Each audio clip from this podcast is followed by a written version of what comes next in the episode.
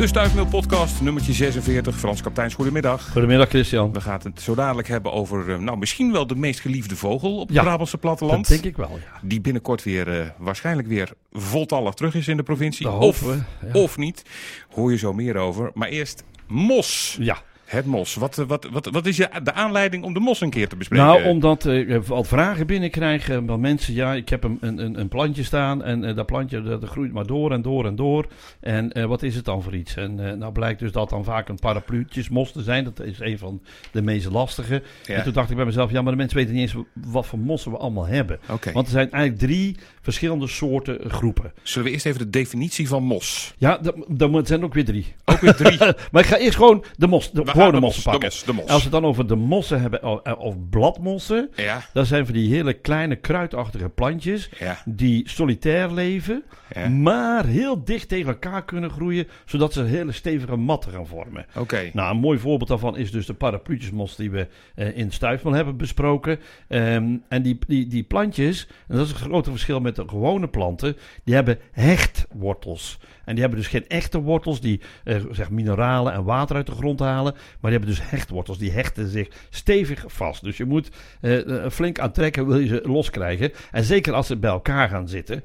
Ehm, het- eh, maar hoe krijgen ze dan hun voedsel? Ja. Die onttrekken ze uit lucht. Ja. Daar halen ze hun voedsel vandaan. En we noemen dat ook wel eh, epifieten. Planten die in feite niet halen van hun gastheer, maar zelf voedsel voorzien uit de lucht. Uit de lucht. En wat Ja. halen ze dan uit de lucht? Nou ja, er zit van alles in de lucht. Want er vliegt, vliegt van alles rond in de lucht. Zij kunnen daar flink wat vinden. Natuurlijk ook water. Ja. Hè, dat is ook wat ze eruit halen. En ehm, ja, de stoffen die, die, die er zijn, er te veel om te noemen. De, allerlei mineralen vliegen er rond. Allerlei, eh, nou ja, goed, je weet ook dat er al stikstof allemaal rondvliegt. En eh, nou ja, eh, Allerlei al- dingetjes, gewoon alles wat, wat wij eigenlijk amper zien. Maar dat- dat zien wij niet. maar, Nee, die mossen, maar die mossen die leven die, daar die, dus die leven daarop en, en die eten ook van een substraat waar ze op staan, maar dan niet met die, niet met die hechtwortels. Dat doen ze dus niet. Ehm, dat zijn dus de gewone blad- en eh, bladmossen die ook wel mossen worden Oké, genoemd. maar je zegt ze leven solitair, maar toch leven Ja. ze bij elkaar. Ja, ze kunnen, Dat ja, is een beetje tegenstrijdig. Hoe, nee, hoe dat, zit dat, dat, kolonievormend heet dat dan. Oké, want eh, dat, dat zie je bij, ook bij insecten bijvoorbeeld. Eh, bijvoorbeeld eh, de zandbijen, de grijze zandbij, Ja. is een solitaire vrouwelijke bij. Eh, heeft even gepaard met een mannetje, maar dan is dat mannetje dood. En dan gaat ze alleen verder de eitjes leggen in, Ja. de, in de grond. Ja. Eh, dat, maar dat kan best zijn dat er naast de buurvrouw ook zit. En weer een buurvrouw, en weer Oh, een buurvrouw. oké. En dat noemen ze dan kolonievormend, maar toch solitair. Oké, dus ze doen, Eh. ze doen eigenlijk niks samen, maar ze zijn wel bij elkaar. Ze zijn wel bij elkaar. En dan kun je met die mossen in feite ook zeggen. Dan heb je over de bladmossen. Ja. Dan heb je de levermossen. Die, dat, dat zijn, die zijn enorm soortenrijk. Die zijn, die zijn bijna niet allemaal te tellen.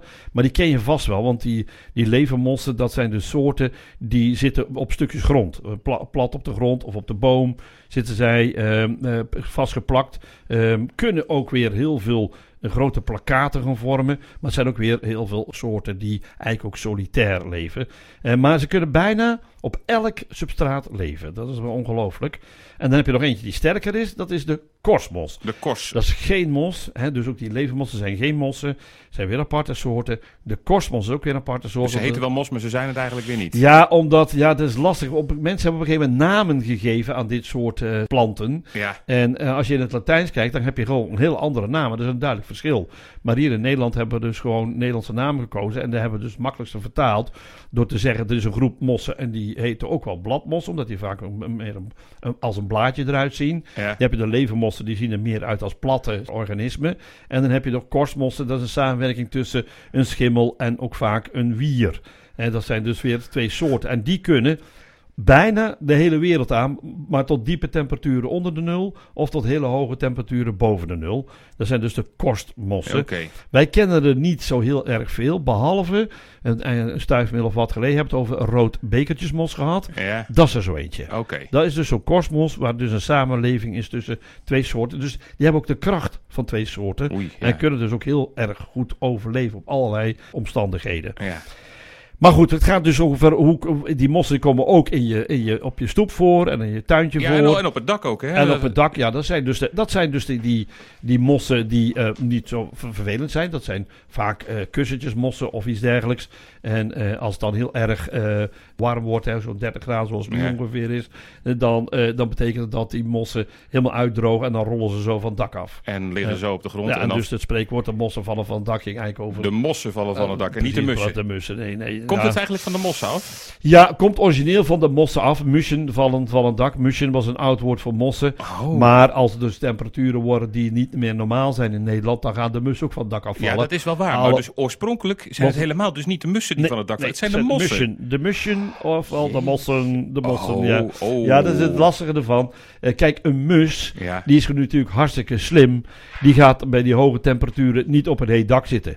Dat doet hij niet. Want, maar goed, het kan wel eens zijn dat jonge mussen die onder de pannen zitten, Ja. dat die te heet krijgen en dan van het dak afvallen. Maar dat gaat sporadisch zijn. Maar mossen, komt- die vallen regelmatig van het dak af. Ja, ja. Dus, eh, en als de, de, de kat of de hond ze opeten, is dat erg? Of, eh, is eh, de mossen opeet, Ja? bedoel je? Ja, ik denk dat ze het niet doen. Want nou, ik, ik ken een beestje wat het namelijk wel Ja, doet. die doet dat wel.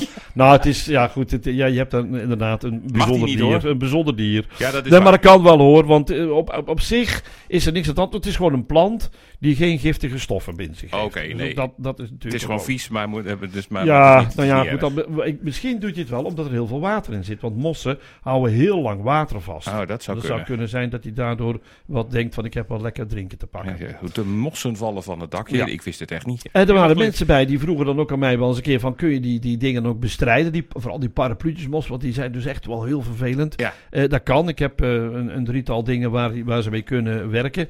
Wat ik dus straks al, eh, of wat ik, wat ik in het stuifmeel heb gezegd, dat was ook al duidelijk. Je moet het eh, zorgen dat het wat meer ontwatert. Dat niet te lang eh, water op een bepaalde plek in stenen blijft staan. Want dan kan die parapluutjesmos kan er heel erg Mhm. graag groeien. Het gaat dus ook vooral over die, die levermossen die in feite langer blijven zitten op zo'n eh, plakkaat. En dat is hier Eh, ook gewoon de eerste tip van zorg dat, het, dat, dat, dat je het niet te veel... Dat het niet te lang mag, nat blijft, ja Oké, dus dat is ook al een belangrijke tip om, belangrijke om tip. mossen tegen te gaan. Ja, dan als het wat meer in het land is, hè, in je tuintje is, dan moet je verticuleren, oftewel de grond losser maken. Want eh, zij houden van heel compacte grond. Ja. En als ze er eenmaal op gaan staan, dan groeien ze gewoon door. Dus een beetje Dus omploegen. een beetje, dat, een beetje lo- lochtig. Ja, je moet maar hopen dat er regenwormen zitten. Want als er regenwormen zitten, dan doen die dat voor jou. Die die het voor je op. Maar Nee, nee, nee, nee. Die, die zorgen dat de grond doorluchtig wordt. Oh, op die manier, ja. Ja, dat is dus ook een feit met dat verticuleren. Je maakt de grond losser en dan hebben ze geen grip om erop te staan. En dan heb je dus kans dat ze dus ook niet gaan groeien. Je kunt ook bemesten, hè, dat is dan ook leuk, maar dan echt met goede stalmest. Daar houden ze ook helemaal niet van. En dan kun je ze ook daardoor kwijtraken. En je kunt ook je eh, zuurtegraad van de grond meten. En eh, dan, eh, er zijn allerlei verschillende methodes voor. En tegenwoordig bij- bijna bij elke goede hovenier kun je zo'n meetapparaatje kopen. En dan geven ze vaak aan dat dan je het beste kunt gaan kalken. Dat de grond wat rijker wordt. En dan komt, gaan die mossen ook verdwijnen. Nou, dat zijn in ieder geval een aantal zaken die spelen. En bij de parapluutjesmos eh, is het ook nog eens een keer zinvol om te zorgen dat je stoep ook in een hellend vlak legt. Dus als je een nieuwe stoep gaat leggen, leg hem in een hellend vlak neer. Dan heb je altijd mooie afwatering. Wat horen we nu, Frans? Ja, dat is het eh, prachtige geluid van eh, de kieviet eh, die in ons land eh, ja, toch wel zijn dieptepunt aan het bereiken is. In die zin van dat ze dus toch wel als weidevogel steeds verder eh, wegtrekken. en eh, dat heeft ermee te maken dat zowel de, eh, de, de kuikens vooral geen, geen ruimtes meer hebben. eh, en, en de leefgebieden te klein zijn voor die opgroeiende kuikens. Daar, daar, daar ligt het grote probleem. En je ziet ook eh, dat ook, eh, ondanks dat er veel boeren, in dit geval geeft dat ook als compliment aan die boeren, meewerken om nesten te beschermen. Hè, er worden ook allerlei machines uitgevonden. Onder andere er is de laatste machine uitgevonden, een maaimachine uitgevonden. Die heeft een soort sensor zitten en die meet dan warmte. En die warmte geeft dan aan, er ligt een beestje. Dat kan ook een ree-kalf zijn, maar dat kan Mhm. ook een nest van een kievieten zijn. Dus dat wordt dan allemaal gemeten. Maar dan toch, ja, blijkt er toch te weinig voedsel te zijn. Dus ehm, de trend van dat, ehm, dat wij steeds minder insecten hebben, geldt ook voor de bodemdieren. Er komen ook steeds minder bodemdieren. En dat betekent dat er steeds minder voedsel is voor die kleine kievietpullen die eh, dat allemaal nodig hebben. En ze hebben dan ook uitgerekend dat, eh, eh, dat er ondanks dat er toch veel gezinnen eh kievieten plek zoeken op weides, hebben ze toch uitgerekend dat er toch maar per gezin weinig pullen groot worden, vanwege dus het tekort aan voedsel. En dat heeft alles te maken met dat we de bodem van ons land slecht behandelen. Eh, misschien moet ik daar een keer een aparte podcast aan besteden.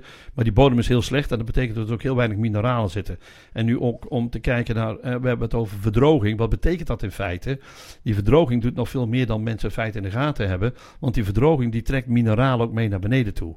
En die mineralen die mee naar beneden toe getrokken worden, dat zijn ook weer geen voedselbronnen voor bodemdieren. En die bodemdieren, die zijn dus weer voedsel voor die kievieten. En zo zie je dat dat uh, heel erg achteruit gaat. Een, een voorbeeld is uh, de, de zware droogte in het voorjaar van 2022. Heeft een hele grote rol gespeeld in een gigantische kleine uh, aanvulling van uh, jong.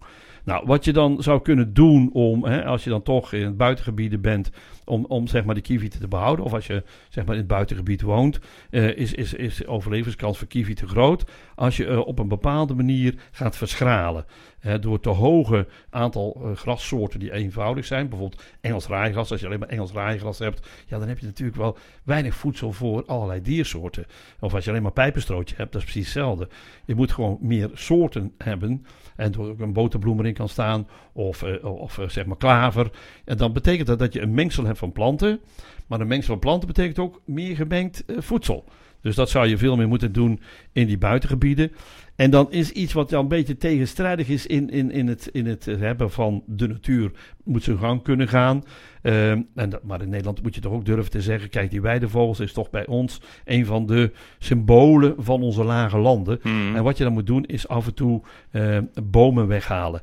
En dan zeggen mensen: ja, maar dan haal je in één keer boom weg, want dat is toch ook raar dat je boom weg gaat halen. Ja, maar door de ruilverkaveling zijn er bepaalde wegen helemaal volgezet met bomen, want dat was leuk.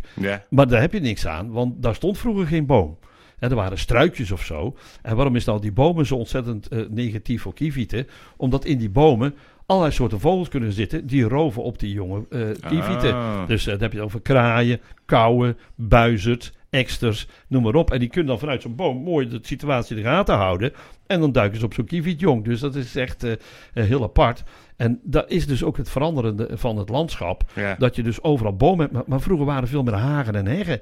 Hè, in zo'n, in zo'n cultuurlandschap Ja, hebben we het over. Hè? Want we hebben het over weilanden. We hebben het over tijden veranderen. Hè. Nu, nu denkt de buis het zo van, ik vind het wel lekker, die bomen. Ja, ja, nee, dat, maar goed, de buis heeft genoeg eten en met de buis gaat het gewoon goed. Ik bedoel, er zitten zoveel kadavers op, op, op diverse wegen, dus die Nee, dat is wel waar. kost je geschaard. Maar waarom is het specifiek jammer dat we dan juist die weidevogels aan het verliezen zijn? Nou, omdat dat heel typisch is voor ons Nederlandse landschap. hè. Want ons landschap, daar, daar moet je ook eerlijk zijn in. Ik vind ons landschap is niet alleen maar de natuur, maar is ook de cultuur die de mens gebracht heeft eh, in, in de agrarische wereld. En uiteindelijk zijn we te ver gegaan en te grootschalig geworden. En hebben we in de ruilverkaveling veel te veel straten die normaal geen bomen hadden, hebben in één keer allemaal bomen gegeven. En dat is dus heel apart ten opzichte van hoe ons mooie landje eruit kunt zien. Samenwerking met. Hè, want uiteindelijk, eh, eh, eh, wij, ik, ik vind dat boeren ook moeten blijven in ons land.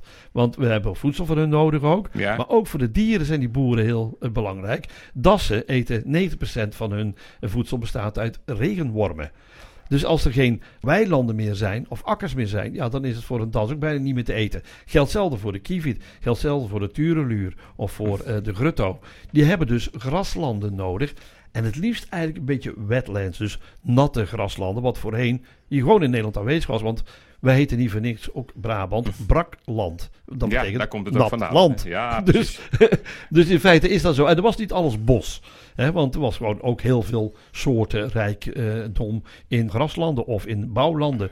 En dat is dus niet meer, want we hebben eentonig raaigrasland en eentonig maisland. Dat is het enige wat we nog hebben. Ja. Dus in die zin is dat voor de kievit een oplevering als daar veel meer eh, eh, diversiteit komt aan soorten weer. Goed. Eh, jou hoeven we het niet te vertellen, nu weten wij het ook. Maar wie moet hiermee aan de gang eigenlijk vooral? Nou, eh, nou ik, denk, ik denk dat het begrip moet zijn bij de mensen ook. Dat we alle burgers ook snappen hè, dat we naar een andere manier van landbouw moeten. Ja. En dat zij daarmee moeten stimuleren door ook de producten te kopen van die boeren die daarmee bezig zijn. En dat vind ik dus een hele belangrijke, want de natuur-inclusieve boeren, of de biodynamische boeren, of de boeren die werken samen met allerlei andere bedrijven om grond, groente en voedsel te telen, ja, die moet je dus inderdaad gaan stimuleren. En dat betekent dat we ook een, een Jumbo en een Albert Heijn, ja, reclame maken mag niet, maar die moeten ook Je op hebt ze allebei genoemd nu, hè? Dus ja, daarom. Die moeten ook zeg maar te horen krijgen van het publiek. Ik wil gewoon biologische groenten. Of ik wil gewoon groenten van ons eigen land. Maar dan niet eh, komkommers uit Peru. Ja. helder. En de kievieten varen er dan wel bij als het allemaal goed is. En de kievieten varen er dan echt wel bij. Daar ben ik helemaal 100% van overtuigd. Oké, want de kievieten ze verdwijnen helemaal of zoeken ze dan andere gebieden op waar het beter is? Misschien in de buurt. Ja, Nog. maar wij- dat, dat, is het punt. Kijk, Nederland is dus altijd het eh, land geweest. Kijk, in Engeland zitten ze ook natuurlijk, in Denemarken zitten ze ook, maar daar gebeurt precies hetzelfde. Ja. Dus we moeten gewoon met z'n allen dat voorbeeld geven in Europa. Dat we zorgen dat die kievit in Europa blijft. En eh, ja, ik zou het ook zonde vinden als we de kleinkinderen van de kleinkinderen van de kleinkinderen straks geen uiep, uiep weer horen. Want dat is, eh, dat is toch wel heel vervelend. Heb je toch voor het eerst hier een vogel naar gedaan? Normaal weiger je dat altijd. Goed, dit was hem weer, deze podcast. Volgende week hebben we er natuurlijk weer eentje. En je kunt alle andere podcast afleveringen die we al hebben opgenomen... die kun je via dezelfde link terug eh, beluisteren. Want ze blijven altijd actueel. Heb je eh, opmerkingen, vragen, mail even naar stuifmail.omroepbrabant.nl. Frans, tot volgende week. Tot volgende week weer.